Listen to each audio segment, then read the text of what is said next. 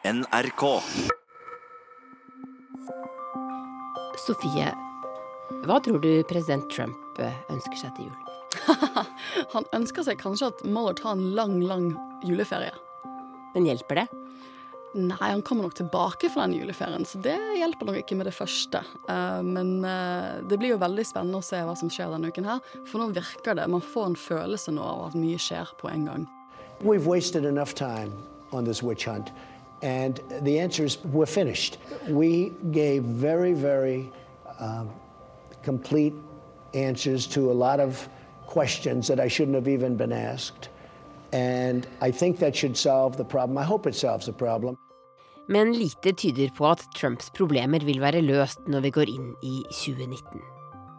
Kan han ende opp som en bankerott forretningsmann i Det hvite hus? Krig och fred med Tove Bjørgaas. Det er jo et eller annet med det prinsippet at det er ingen som står over loven. Eh, det er ikke sånn vårt rettssystem fungerer, det er ikke sånn rettssystemet i USA fungerer. Ehm, og det er klart at dette handler jo også om demokrati i USA. Hva skjedde under valgkampen i 2016, på alle sider? Jeg heter Sofie Høgstøl. Jeg er stipendiat ved Norsk senter for menneskerettigheter, og der forsker jeg på internasjonal strafferett. Så jeg syns det er veldig spennende å lese tiltaler og følge sånne store etterforskningsløp som Mueller-saken. Jeg har snakket med to andre som følger russlandsetterforskningen tett eh, denne uka. Den ene er en svensk økonomiprofessor i Washington som kjenner Paul Manafort, og som også selv har jobbet som rådgiver for russiske politikere. Og den andre er en historieprofessor på Yale som har skrevet mye både om Putin og om eh, ja, han og andre politiske eh, tyranner. Eh, vi skal høre fra, fra begge to, men, men først Hvor står vi nå når vi går inn i, i, i 2019? Jeg tror nok at det er vanskelig å spå fremtiden. Amerikansk politikk virker å være så uoversiktlig nå at det er liksom vanskelig å gjøre en sånn samtidsanalyse. Men jeg tror nok vi ganske trygt kan si at Mueller-etterforskningen vil prege 2019. For vi går inn i 2019 nå med store spørsmål i den etterforskningen uavklart. Jeg tror at det er mindre rapporten enn eh, åtalen som er det viktige. Så at det er vel tre store åtal som vi bør vente oss.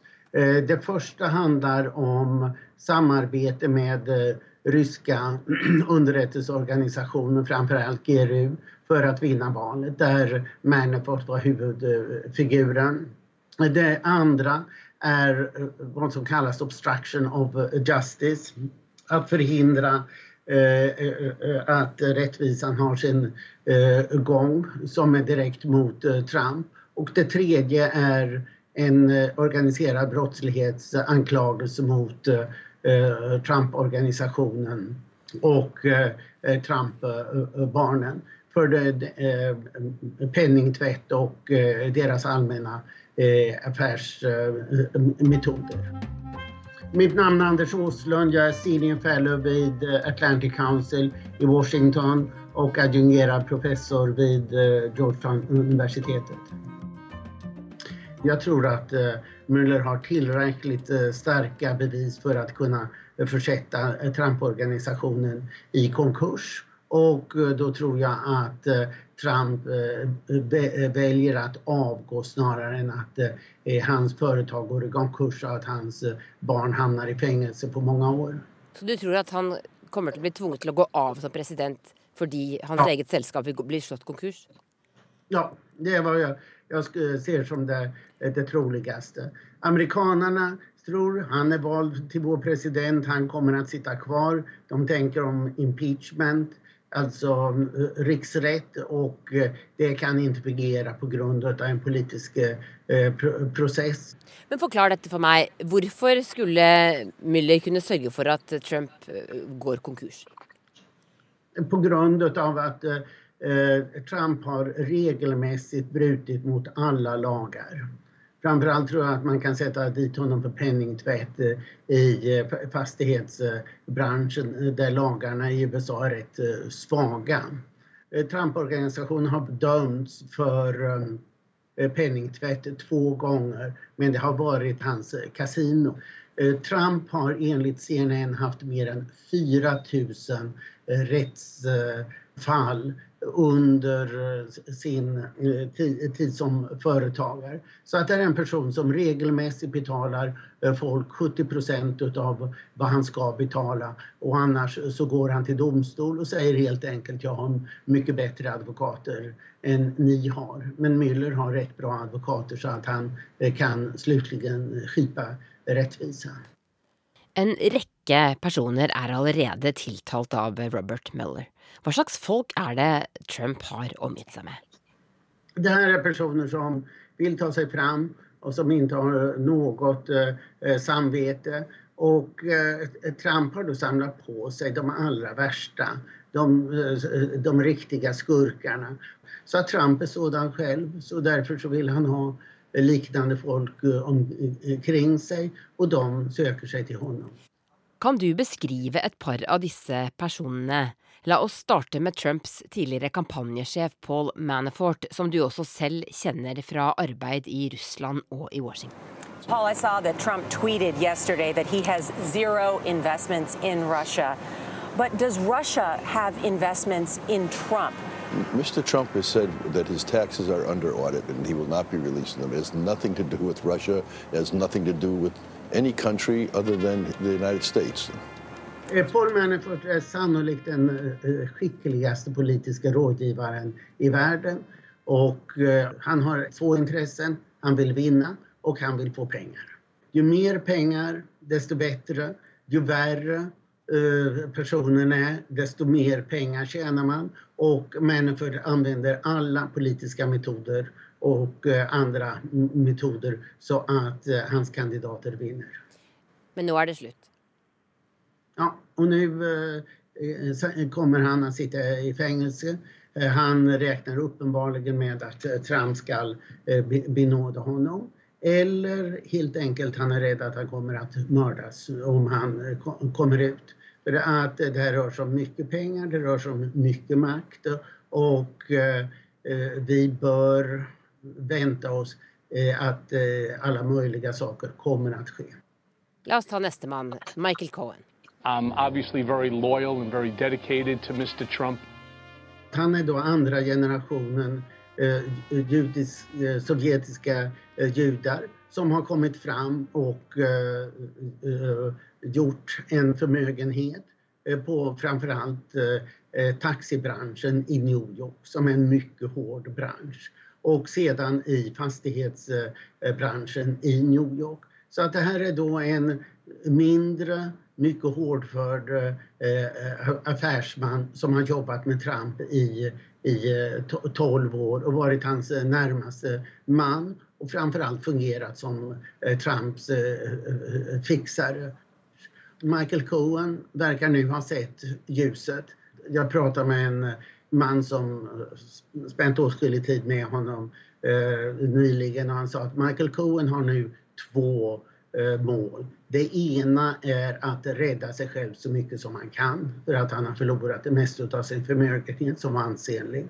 Och det andra det är att sätta dit Trump som han anser med rätta är skyldig eh, för allting som han har hamnat i. Den sista veckan har det varit mycket snack om eh, att Michael Cohen ska ha rest till Ryssland, At de ønsket å bygga Trump Tower i Ryssland flere år før eh, valget i, i 2016. Hva var det han ønsket egentlig eh, å gjøre i forhold till Ryssland? Ja, om vi ser till eh, Trumps generella utrikespolitik, det är att han vill ha goda relationer med länder där han kan bygga Trump Towers. Och vad, att bygga Trump Tower innebär helt enkelt att han säljer eh, sitt namn på licens och får eh, åtskilliga miljoner eh, för detta medan någon annan eh, bygger och betalar för eh, byggnationen.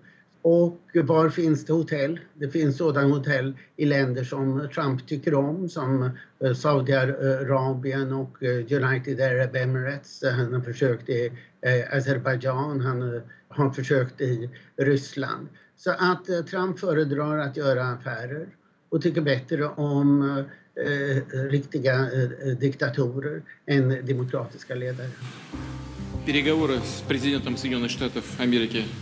A productive dialogue is not only good for the United States and good for Russia, but it is good for the world. we're in this rather third world situation, or actually Russian situation, where the president has to be the president because he doesn't want to be prosecuted for crimes that he knows perfectly well that he's committed. So Mr. Trump, from his side, is going to be desperate to remain in office for as long as possible because only the office of the presidency can protect him. I don't think he really, I don't think he has much of a possible existence now that he's president beyond the office of the presidency, and, and he's perfectly aware of that. So he's going, he's going to fight, he's going to fight to the end. My name is Timothy Snyder, and I'm the Levin Professor of History at Yale University.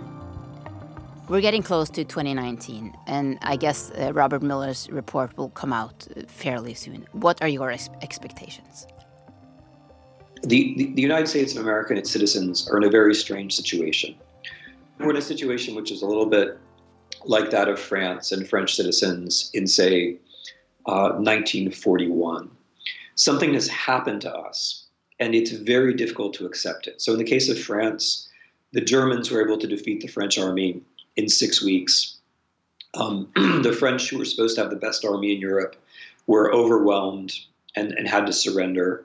And then they created perfectly legally and constitutionally a new government, Vichy, which both was and wasn't a French government. It was legal and everything was proper, but in retrospect, um, the, the French republics that followed would treat Vichy as being somehow exceptional and outside French history. I think we're in a moment like that. We, as Americans, you know, we're the most technically advanced country in the world. We don't want to think we could have lost the cyber war. We don't want to think that in 2016 something strange and awful happened to us. We're still really in a daze about that. We don't recognize that in, in 21st century conditions, what's what's happened is that we've we've been shown not to be a fully sovereign country. Because basically, if another country gets to choose your president, you're not a fully sovereign country.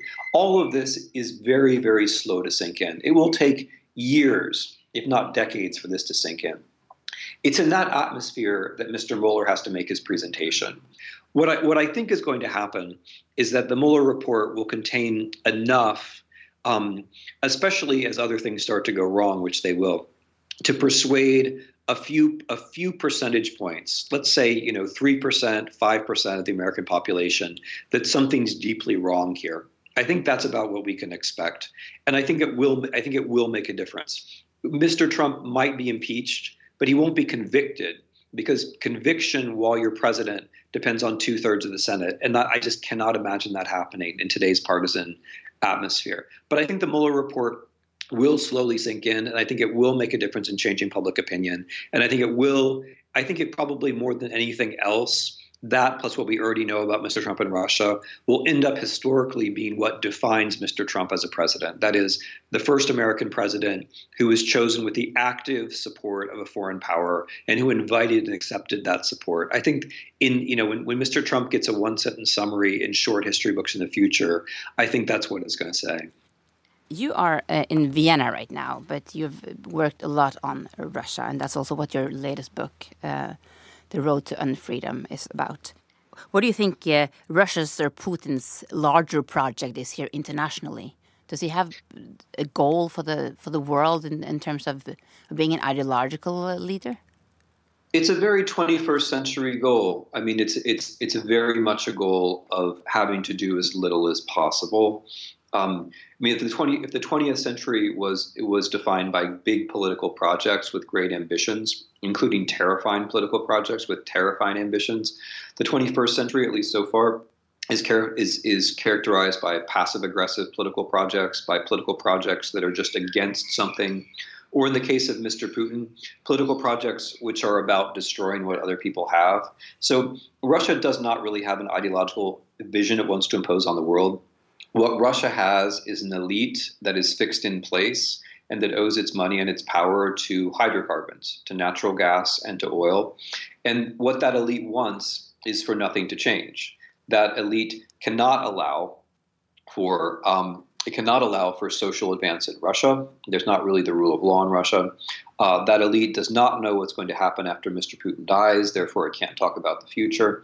And so, what that elite has done is that it's found a way to govern in Russia by way of mistrust. What, what Russian leaders say to the Russian population is, you don't trust us, and that's right, you shouldn't trust us. We just ask that you not trust anyone else either. And so, what Russian foreign policy does is to try to make um, more solid, more prosperous, more democratic entities, like, for example, the European Union or the United States, look less attractive, less prosperous, less less less successful. The basic idea is to say Russians to say to their people, yes, we, we agree everything here is a joke, but everything everywhere is also a joke. Therefore, you should prefer our lies to everyone else's lies. This is a new form of 21st century nationalism where the idea is that nothing is true, therefore, you should stick close to your own tribe. But operationally, what this means is that Russia has devoted a fair amount of resources to trying to make the European Union less predictable, less legal, to try to make the United States less predictable, less of a rule of law state, less something that one can admire. And they've succeeded. They've succeeded to a remarkable extent. Brexit was their foreign policy. There are other reasons for Brexit, of course, but they supported it, and they used they used media and internet means to to to, to help push it through. Likewise, Donald Trump. Um, Donald Trump, day after day, causes chaos in American domestic life. He was their instrument. Again, there were lots of other reasons why he was elected but they helped him and, and, without him without the russians i think he wouldn't have had a chance but the basic idea is not an ideology the basic idea is just to take the easy way to always take the easy way to always think that you're right to never listen to anyone else to think that everything around you is a joke to stay on the couch and watch the television channel or the internet feed that that that confirms the things that you've already that you already feel that's the basic idea Hvor lang tid tror du Møller kan holde på med etterforskningen sin? Det er vanskelig å si. altså Spesialetterforskninger for tidlig spesialforskninger har jo som oftest vært målt i flere år. Eh, så vi er ikke sånn så langt tidsmessig inn i Mueller-etterforskningen. Altså Trump klager jo om at dette tar så utrolig lang tid, men sett ut ifra eksempelvis eh, etterforskningen mot Nixon, eksempelvis etterforskningen mot Clinton for 20 år siden, så er ikke halvannet år så veldig lang tid. Uh, så man, han kan jo i teorien fortsette i noen år til. Men igjen, man har fått en ny justisminister som har sagt at, eh, at en av måtene å strupe den etterforskningen på, er bare å kutte budsjettet. Akkurat nå for tiden så går det også en eh, TV-serie på amerikansk TV, som også er interessant for jurister, som deg sikkert. Ja. Den heter The Clinton Affair, mm. og handler om det som skjedde med Bill Clinton. Mm. Hvordan er den interessant mm, i forhold til det vi står oppe i nå? Jeg tror den viser hvor dramatisk den, den etterforskningen tross alt var for Clinton. Og han gikk jo fortsatt ikke av. Um, han, ble jo fortsatt tatt, han, ble jo, han ble jo tatt i å lyge for spesialetterforskningen, som er den ene tingen du virkelig ikke Altså, Robert Mueller tar jo de fleste personer på å lyge til han. Det er det han virkelig tar. Det er da han setter de i sånn klem, i skvis, liksom, og får dem til å samarbeide. Um, og Bill Clinton presterte jo, selv om han på tross av at han har uh, topp juridisk utdanning fra Yale, å gjøre det i sitt intervju med spesialetterforskeren. Did you ever ask Paula Jones to kiss your penis? No, I did not. The president is being dogged by a story that won't go away. I kind of looked into the open doorway, and Bill happened to be standing there, and he motioned me in. I don't think my heart had ever beat as fast.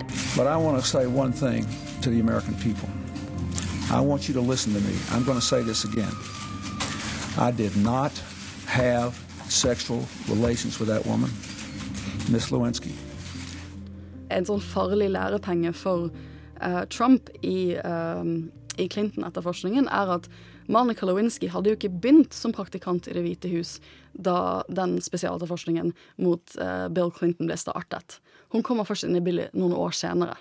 Uh, og så skjer dette forholdet, og så, blir, og så, kommer det inn i spesialetterforskningen. Og det viser jo at når man åpner de dørene der for en sånn spesialetterforskning, da kan mye, mye, skje. For man begynte jo egentlig med å etterforske sånne ymse boliginvesteringer som Clinton-ekteparet angivelig skal ha vært med på på 70- 80-tallet. Man gikk jo fra å etterforske det til å etterforske dette pågående forholdet som skal ha skjedd mellom uh, Bill Clinton og Monica Lewinsky. Og det viser jo, det, Jeg tror det er det særlig eh, advokatene til Trump er redde for at skal, det skal komme noen skjeletter ut av skapet i løpet av den etterforskningen, som da, som da blir tatt inn i etterforskningen og vil være vanskelig for han.